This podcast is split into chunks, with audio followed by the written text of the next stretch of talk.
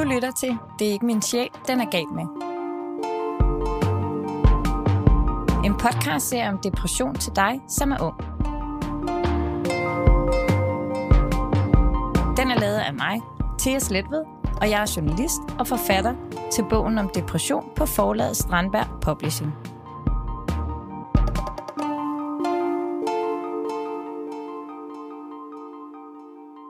Når man finder ud af, at man har en depression, eller når man tror, man måske har en, så kan der være rigtig mange spørgsmål, der melder sig.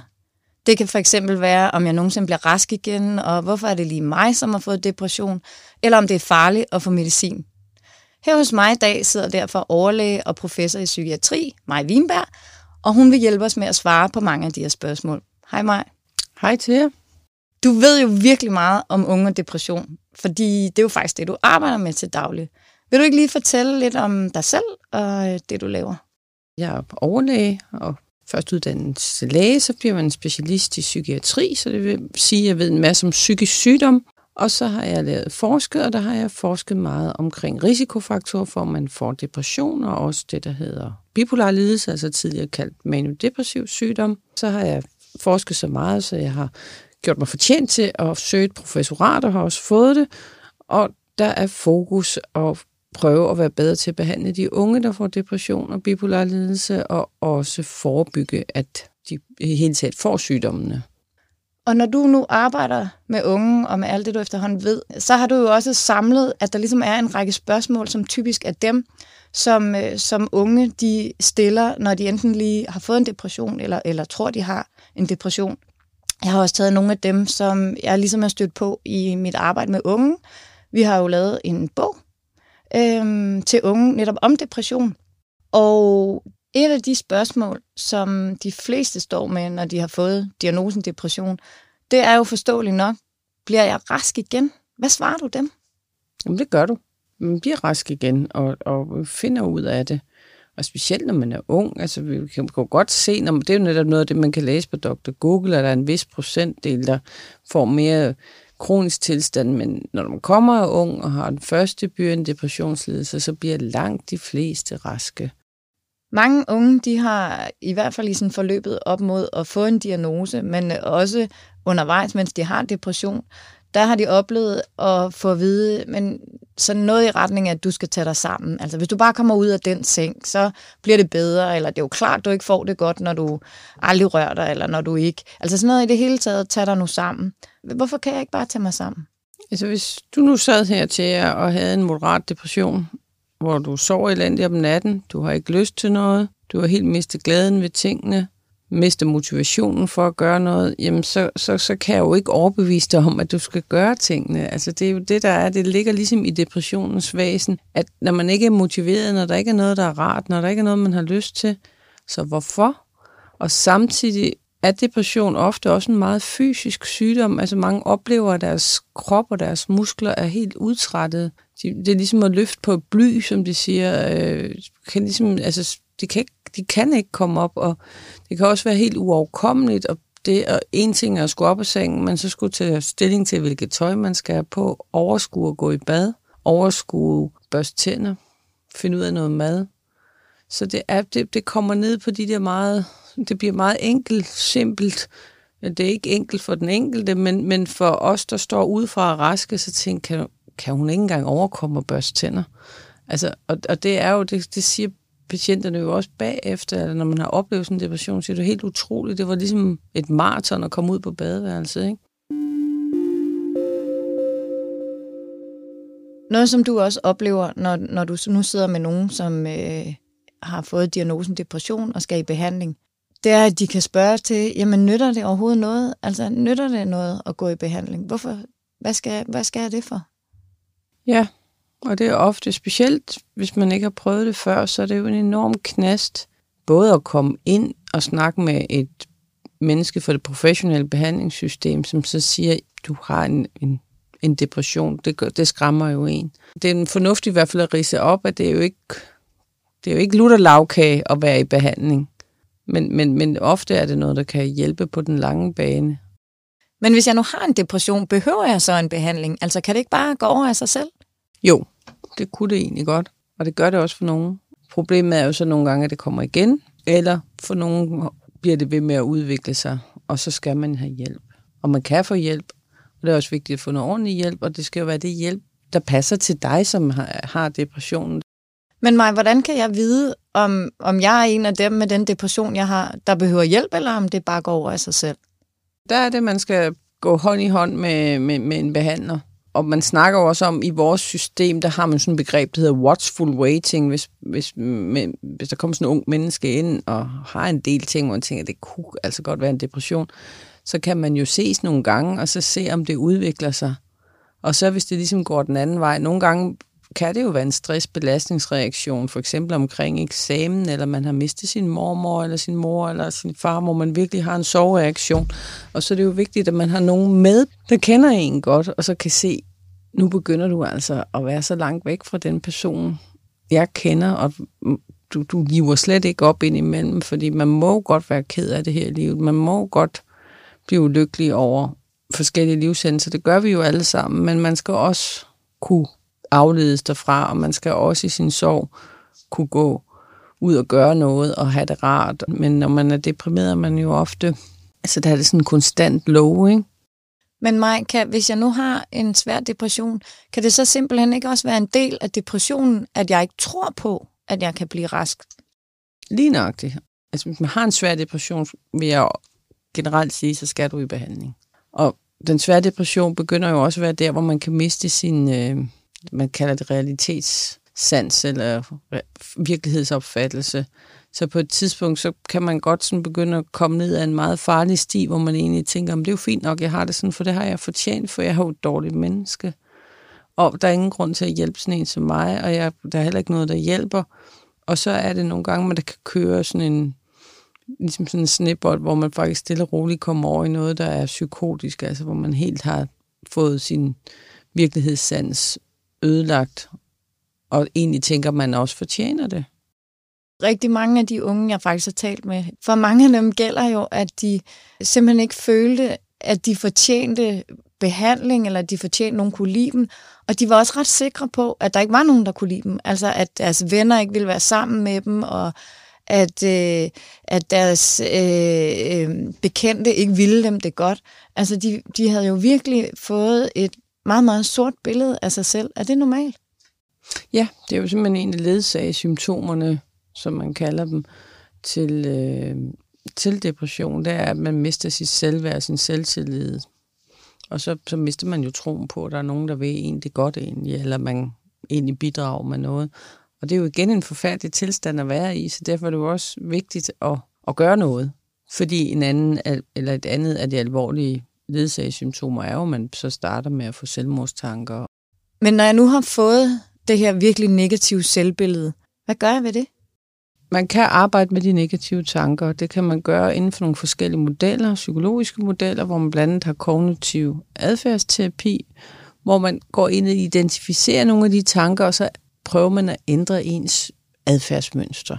Der er også noget, der hedder, det hedder ruminationsterapi. Det lyder sådan, næsten sådan lidt kirkeligt, ikke? Hvor man går ind og finder ud af, hvad er, det, hvad er det, du slår dig selv oven i hovedet med hele tiden, og så prøver at aflede det, og prøve at finde noget andet. Der er også lige nu, som vi har arbejdet lidt med inde på vores afdeling, det der hedder metakognitiv terapi, hvor man igen prøver på at ligesom stille sig lidt uden for ens egne tanker, og så prøve på at neutralisere de dårlige tanker, hvis man kan sige det sådan, altså lidt populært sagt, altså få lidt pytknap på det, sige stop, det her, det skal jeg ikke mere, nu flytter jeg mig fra det her, og, og når de her tanker kommer, så gør jeg noget andet. Noget, som jeg også ved, der er rigtig mange, der jeg måske lidt slår sig selv i hovedet med, men i hvert fald går rundt og tænker rigtig meget over, det er det her med, hvorfor blev det lige mig, der fik depression? Ja, og sådan er det jo med sygdom i det hele taget. Altså, hvis man også får andre sygdomme, så, så er det sådan lidt, altså, så, så kan man lige pludselig se alle de andre, der er raske rundt omkring en, ikke? Og nogen, der, så, så siger de selv, jamen, det har altid været i vores familie. Andre kommer det jo fuldstændig som chok. Og der er jo mange, jeg har mange tit nogen, der siger til mig, jamen, jeg vidste jo ikke, at jeg kunne få det sådan. Hvad er det for nogle tegn, man skal holde øje med? Mange af det søvnen. Det der med at ikke rigtig kunne falde i søvn. Vågne midt om natten, ikke kunne falde i søvn igen, vågne tidligt nogle er der angst og uro. Der er mange, der beskriver sådan en urovægten, sådan, sådan lidt fornemmelse af, at der sker noget lige om lidt, der er rigtig, rigtig ubehageligt, øh, hvor det kan være sådan et symptom. Andre opdager det på, at de taler mindre, ikke tager kontakt til andre, isolerer sig, kan begynde at melde afbud, kan ikke overskue skulle i biografen, ud med vennerne, stopper med at selv række ud og forsvinder, når andre rækker ud efter en, ikke? Lige sidste øjebliks afbud eller finder på noget.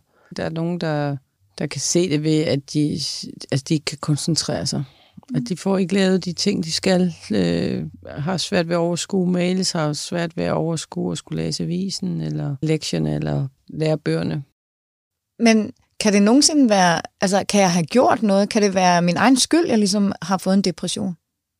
Nej, det synes jeg faktisk ikke, det kan. Man er jo altid klog, når man ser på en historie, når det er sket, så man siger, det gik rigtig stærkt der. Altså, du skulle til eksamen, din far var alvorligt syg, din kæreste gik fra dig, øh, du endte med at gå i byen og drikke hjernen ud hver weekend, fordi du ikke kunne holde det ud.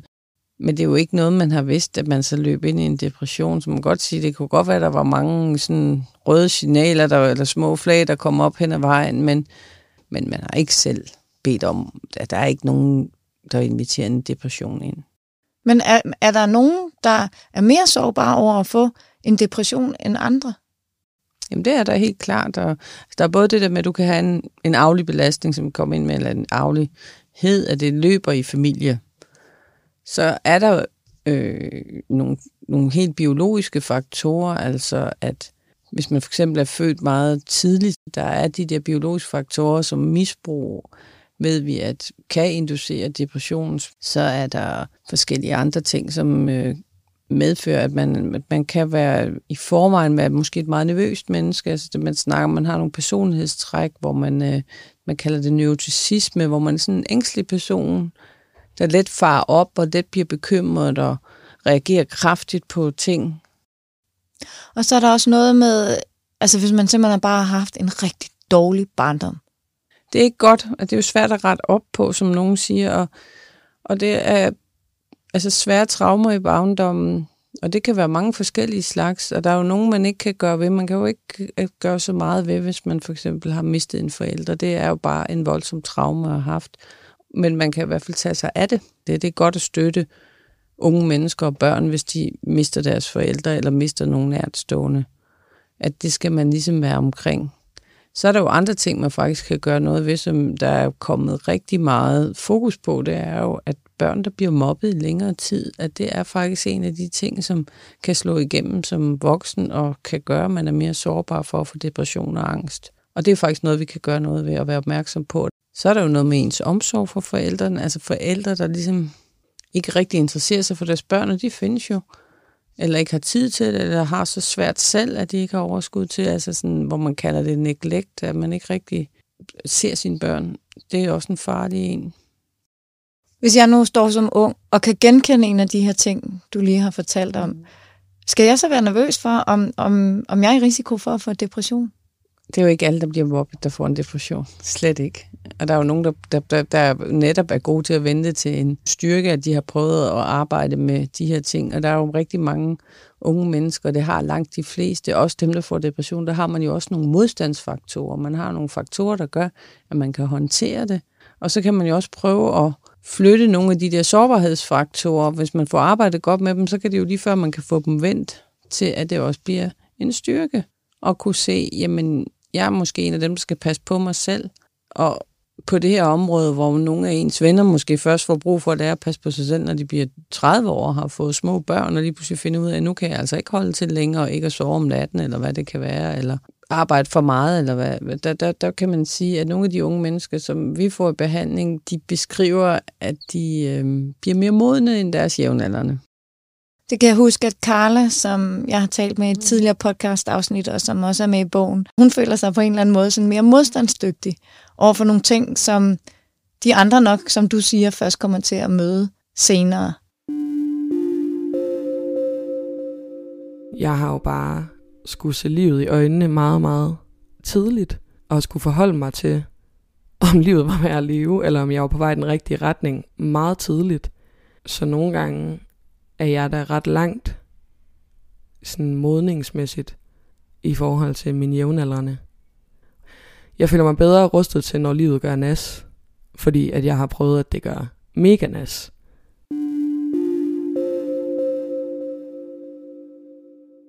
Noget, som øh, jeg ved, mange bekymrer sig om, når de nu har fået øh, eller været igennem en depression, det er det her med, kan jeg blive færdig med min uddannelse? Hvad gør man? Vi har jo heldigvis i Danmark et system, hvor man kan både søge forlængelse af SU'en, hvis man, altså så dokumenterer man sygdomsperioden, og så er det ofte op til 12 måneder, man får forlænget med. Og så øh, kan man jo også søge det, der hedder et handicaptillæg, hvis man har fået det sådan, at man er stressbar og og har måske også nogle gange lidt øh, gener på stadigvæk på at lige koncentrere sig og sådan nogle ting. Så får du, hvad der svarer til SU'en, så du ikke har brug for at arbejde ved siden af, så man ligesom nedsætter stresstasken. Så, så på den måde er der egentlig rigtig mange fine ting, og der er også flere, for eksempel Professionshøjskolen her i København har en særdeles udmærket mentorordning, og der er også øh, studenterrådgivning, hvor der er psykologhjælp, og der, altså jeg synes faktisk, der er en del ting der, hvor man kan få noget støtte til sin uddannelse, så det, det, det, hvis, man, hvis man stadigvæk er glad for uddannelse, tænker det er rigtigt, så klø på. Og det her med, når vi nu taler om, at man kan være bekymret for, om man, om man kan gøre sin uddannelse færdig, det er jo fordi, at depression, det påvirker jo virkelig hjernen, hvilket man jo så kommer til at kunne mærke i sit skolearbejde. Prøv lige at fortælle om, hvad det er, der sker det er langt overvejende sådan, at depressionen påvirker hjernen, mens man er deprimeret. Altså, og der er det, nogen beskriver jo ligesom tankerne, de bliver sådan helt tykke, ligesom signalerne ikke kommer rundt på, på samme hurtige måde, som de plejer at gøre. Og det, vi ved jo også, at, at en depression ændrer de signalstoffer, man har i hjernen, der får hjernens forskellige dele til at kommunikere med hinanden, så det er, det er ligesom kendt, at depression giver tre tanker, og man har svært ved at koncentrere sig og lave store opgaver. Langt de fleste unge mennesker stopper det igen, når man er ude af depressionen. Men undervejs, mens jeg har depression, så er min hjerne simpelthen langsom. Det er jo igen lidt individuelt, men for nogle oplever meget, at de kan godt have sådan, at der er mange tanker, men de kan ikke sortere i dem, så det gør også, at man ikke kan koncentrere sig.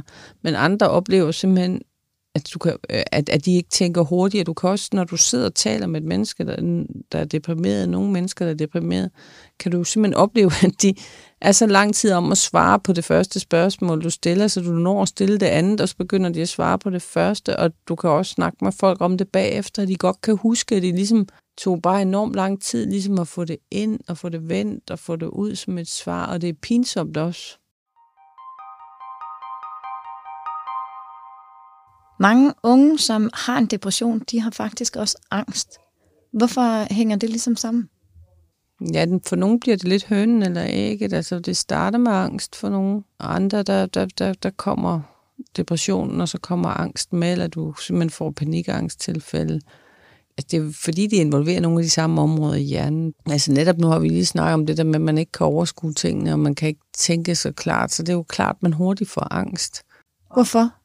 Fordi altså hvis, hvis du ikke kan overskue din dag, så, så bliver det jo ubehageligt, ikke? Altså hvis du ikke kan overskue, hvad du skal sige til folk, hvad, hvad skal, hvordan skal jeg reagere, når jeg kommer ind på skolen, og der er nogen, der spørger mig, om jeg vil være med til fredagsbar, så får man jo angst for, hvordan skal jeg, klare, hvordan skal jeg overkomme det. Det er jo også der, vi så ser, det her med alkohol, fordi alkohol er jo rigtig godt til lige at tage den der spidsangst der. Det tror jeg rigtig mange mennesker kan genkende, også uden de egentlig har angst og depression, men hvis man bliver meget nervøs, så er der nogen, der synes, det er lidt fedt lige at tage en lille en, ikke? og så går det. Så, så det er rigtig væsentligt at, at, at være lidt opmærksom på, at man ikke øh, ender med at sidde og bruge alkohol for at komme ud af døren. Men angst og depression går lidt hånd i hånd. De filtrer det ind i hinanden, og nogle gange ser vi også dem, der har haft langvarig angst, de udvikler depression, og den anden vej ser vi, at dem, der har depression, får angst. Nu, nu nævnte du selv alkohol, og det ved jeg også er noget, som, som tit er noget, der kommer op som et spørgsmål. Må jeg drikke alkohol, hvis jeg har en depression? Mens depressionen er der, så kan det være en rigtig god idé at lade være. Den giver jo de her at bivirkninger. Jeg tror, at langt de fleste kender, der får tømmermænd. Nogle får jo ikke fysiske tømmermænd, de får kun psykiske tømmermænd, og de føler sig sådan lidt mellow og lidt blue dagen efter, og så kan den også give den der enorm uro. De fleste, de sover og falder godt i søvn på alkohol, men så vågner de jo også tidligt og har det ikke ret godt. så alkohol er ikke, på den lange bane, så kan det godt være det, der hedder depressionogen, altså det kan inducere depression. Altså det kan skubbe på til, at man ja. får depression. Men, men det er jo ikke, så er det jo ikke sagt, at når man begynder at blive rask, så må man jo gerne få et glas vin. Og det er langt de fleste, der siger, at man skal prøve lidt af sted. Men hvis man har haft et problem med alkohol, og det er der jo en del, der har, eller kan se, at de har haft et mønster, så er det bare rigtig vigtigt at, at ligesom holde det lidt under kontrol. Og det kan jo være at tælle, hvor meget man drikker. Altså, vi bruger nogle gange sådan noget, der hedder stemningsregistrering. Det kan man både gøre på papir og på en applikation, og så kan man jo registrere, hvor meget man drikker. Og så nogle gange kan man jo så se, at hver gang der er blevet drukket, så falder humøret lige. Og, og det kan jo egentlig være meget illustrativt. Nej, nu går vi over til nogle, en række spørgsmål, som ligesom handler om medicin. For det er jo noget, der fylder rigtig meget for dem, som øh, skal have det i forbindelse med øh, behandling for depression. Og det er for eksempel også noget, jeg har talt med Rosa om i et øh, tidligere podcast-afsnit. De tanker, der gik gennem mit hoved, var, at jeg tager medicin mod en depression. Det er en dårlig ting. Det er et tegn på svaghed. Jeg skal skynde mig at kunne øh, komme ud af medicinen, fordi så er det en god ting, så betyder det, at jeg er stærk nok til at klare mig selv uden medicin.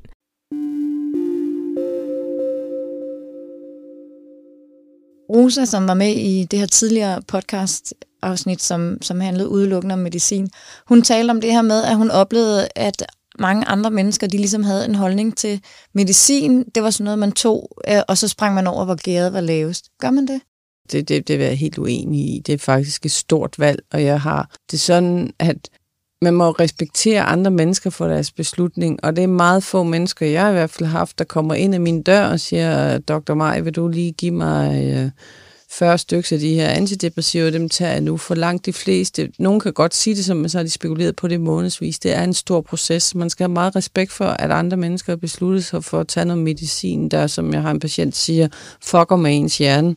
Så jeg er ikke enig med hende over, eller dem, der siger til hende, at man springer over, hvor gæret er lavest. Det er slet ikke lavt, det gær. Jeg var ude på en skole og, mm. og fortælle i forbindelse med bogen, og fortælle en 9. klasse om, øh, om det her med depression. Og der var en, der rakte hånden op og sagde, mm, hvis man har depression, så skal man have medicin, og når man får medicin, så får man det mega dårligt. Gør man altid det? Det, det håber jeg ikke, så, så skulle vi nok stoppe det. Der er meget diskussion omkring medicinen. Jeg tænker, det er jo lavet sådan, så hvis man er mellem 18 og 25 år, så skal man helst se sig en speciel øh, i psykiatri, altså en, der har ekstra viden om det her. Så beslutter man sig for, og det er jo ikke noget, man igen, det er jo noget, man gør i samråd med den unge, og ofte også familien, taler om at starte en medicinsk behandling. Og den medicinske behandling, den kan godt være et mellemled for, at man noget hurtigere får det bedre, og det er faktisk øh, for nogle mennesker det, som hjælper dem ud af depressionen, så man skulle absolut ikke få det værre. Men nogle gange videre, der har du fortalt, at der kan en depression simpelthen være så tung og så svær, at man er nødt til at give nogle piller for, at de værste symptomer kan lette, fordi man kan slet ikke arbejde psykologisk, når, når hjernen den har det rigtig svært ved depression. Og, det, og der er det jo, man skal have respekt for, at depression også kan være en livsfarlig sygdom, som vi har talt om for tidligere i den her udsendelse, at man kan blive så syg, så man ikke tænker, man skal være her mere. Mm. Og der er det jo også ofte indlæggelse, det kræver, men, men, men, men også for at undgå at komme dertil, så, så kan man starte medicinsk behandling. Og, og, og jeg synes også, det skal være sådan til, at Altså, de fleste mennesker, der har en depression, er jo mennesker, der er, er kloge og fornuftige og kender deres eget liv, så det, man skal jo have de tilbud, der er, og så skal man selvfølgelig ikke stå alene. Man skal jo ikke bare have en, en pakke piller med hjem. Man skal have mulighed for at ringe, og, og der er bivirkninger ved vores behandling, og det ligger vi jo ikke skjul på øh, omkring medicinsk behandling, heldigvis. Men hvad er bivirkningerne? Jamen, hvis det er de her klassiske øh, SSRI'er, som fejlagtigt er blevet kaldt lykkepiller, men det er det, det går under, så kan man jo ofte opleve, fordi det virker på det signalstof, der hedder serotonin, at de første par dage, når man tager dem, så er der nogen, der godt kan få lidt uro. Og det er jo super ubehageligt, hvis man i forvejen har lidt angst og har også deprimeret, og så får man uro i kroppen, fordi det virker både i tarmsystemet og, og ens kredsløb, så man kan få lidt hjertebank, og ens mave bliver urolig. Og det er jo rigtig vigtigt at have talt om. Og det er for ofte forbigående, så de fleste synes egentlig ikke, når de har ved, hvad det er, man siger, at det, det vil vare et par dage eller, eller en uge, så, så, så er det væk. Og så er det jo vigtigt, at hvis det ikke bliver væk, og ikke forsvinder, så skal man selvfølgelig regulere eller finde noget andet. Men noget andet, som øh, hvis man jo for eksempel googler lidt rundt, man kan se, det er jo, at øh, der engang man bliver skrevet i medierne om, at en bivirkning simpelthen kan være, at øh, en øget risiko for at begå selvmord. Er det rigtigt? Det er altid med sådan nogle spørgsmål, der er det jo svært at sige ja, nej. Det, der har været, og derfor er der jo også kommet sådan en warning på i USA blandt andet, og man skal være og også i, altså der er på alt medicinen, det er jo, at man skal være mere opmærksom i de første par uger efter man starter behandling, for at man kan få en uro ja. og en, en aggressiv adfærd og, eller en impulsadfærd. I, under den ligger jo også selvmordsadfærd. Hvad mener man med impulsadfærd? Det er, at man ligesom gør noget, hvor man reagerer lynhurtigt og tænker, at jeg vil ikke leve mere, og så gør man det. Mm. Så derfor er man lidt bekymret for, at det kan så resultere i, at man sådan uden at have tænkt sig om, eller planlagte, laver en selvskadende handling. Eller der har også været meget debat om, om man nu er mere aggressiv og gør nogle ting. Der har faktisk været lavet her i Danmark et registerundersøgelse, hvor de har kigget på det, og så set på forskellige depressionsdiagnoser før og efter man starter det antidepressive behandling, og det ser altså ikke ud til det, at man begår mere, altså har flere mere selvmordsadfærd. Heldigvis er det jo meget få, så det er nogle tal, der er svære at have med at gøre. Altså det er meget få, der lykkes med? Ja, meget få unge, der er i den statistik, mm. så det er, det, det er jo, selvmord er jo trods alt, og heldigvis, en sjælden begivenhed. Øhm, noget af det, der sådan tit bliver spurgt til, det er det her med, bliver jeg tyk af medicin? Er det simpelthen en typisk bivirkning? Ej, det er, altså, hvis man tager klassisk antidepressiva, så, så er det ikke en klassisk bivirkning, det er det ikke. Men vi har nogle præparater, man godt kan blive tyk af, og det kan man blive rigtig forskrækket af. Nogle af de præparater, som man er bange for, det er, det er nogle helt andre præparater, som bliver brugt til nogle andre sygdomme. Det sidste spørgsmål, som jo også er et, øh, du støder på en gang imellem, det er det her med, øh, jamen, altså nu har jeg haft en depression, og jeg er faktisk ude på den anden side, men, men jeg skal ligesom blive ved med at tage piller. Betyder det, at jeg så stadig er syg? Det betyder ikke, at du er syg stadigvæk, nej. Hvis man har, kun har haft en depression, det er også vores retningslinje, siger sådan, så skal man jo også stille og roligt trappe ud af behandlingen igen på et tidspunkt, og det er fornuftigt at gøre sammen med nogen, der ved noget om det. Maj, hvis jeg nu sidder og har hørt det her, og har en depression, eller har haft en depression, eller jeg kender nogen, som har en depression, så kunne jeg forestille mig, at man godt kunne tænke sig at vide, kan jeg få et godt liv herude på den anden side? Det var et dejligt spørgsmål. Fordi det er der ingen tvivl om. Selvfølgelig kan man få et godt liv, selvom man har haft en depression. Absolut. Det her var Det er ikke min sjæl, den er gal med. I podcastserien kan du lytte til flere unge fortælle, hvordan de er kommet igennem depression. Du finder podcasten på strandbergpublishing.dk og der, hvor du normalt finder dine podcast.